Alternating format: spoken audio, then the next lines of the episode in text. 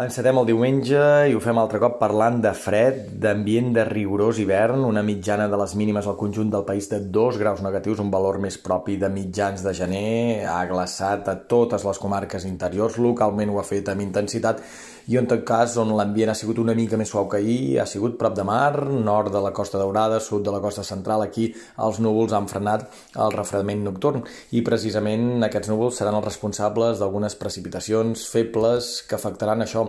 Trams eh, del Baix Llobregat, Barcelonès, potser punts del Vallès, també del Penedès, precipitacions que això sí seran en forma de neu a partir de només 300 o 400 metres d'altitud. En tot cas, el diumenge el conjunt del país serà assolellat, alguns intervals de núvols i aquestes precipitacions que al matí seran més probables prop de mar, a la tarda es concentraran bàsicament a l'entorn del Montseny, Guilleries, nord de la Catalunya central, altre cop amb una cota de neu relativament baixa, però seran sempre nevades anecdòtiques o testimonials. L'ambient es mantindrà fred, avui com ahir, poques màximes passaran dels 14 o 15 graus.